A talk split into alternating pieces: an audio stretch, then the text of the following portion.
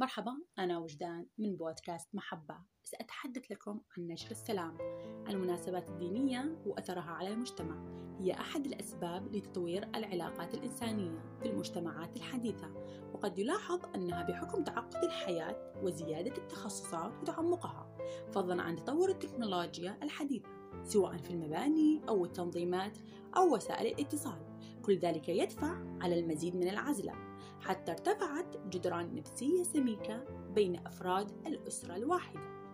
لذلك تبدو أهمية القصوى للأعياد.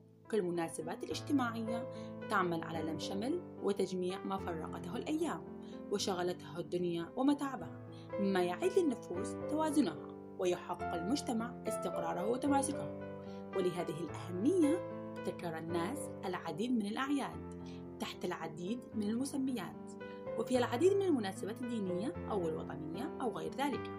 ولا توجد أمة من الأمم تخلو من الأعياد تحتفل بها تعلم فيها عن فرحتها وتحفزها إلى تنشيط ذاكرتها وترسيخ الثقة والاعتزاز بأمجادها وتقوى بها عزيمتها لمواصلة السير نحو خير الأمة وازدهارها.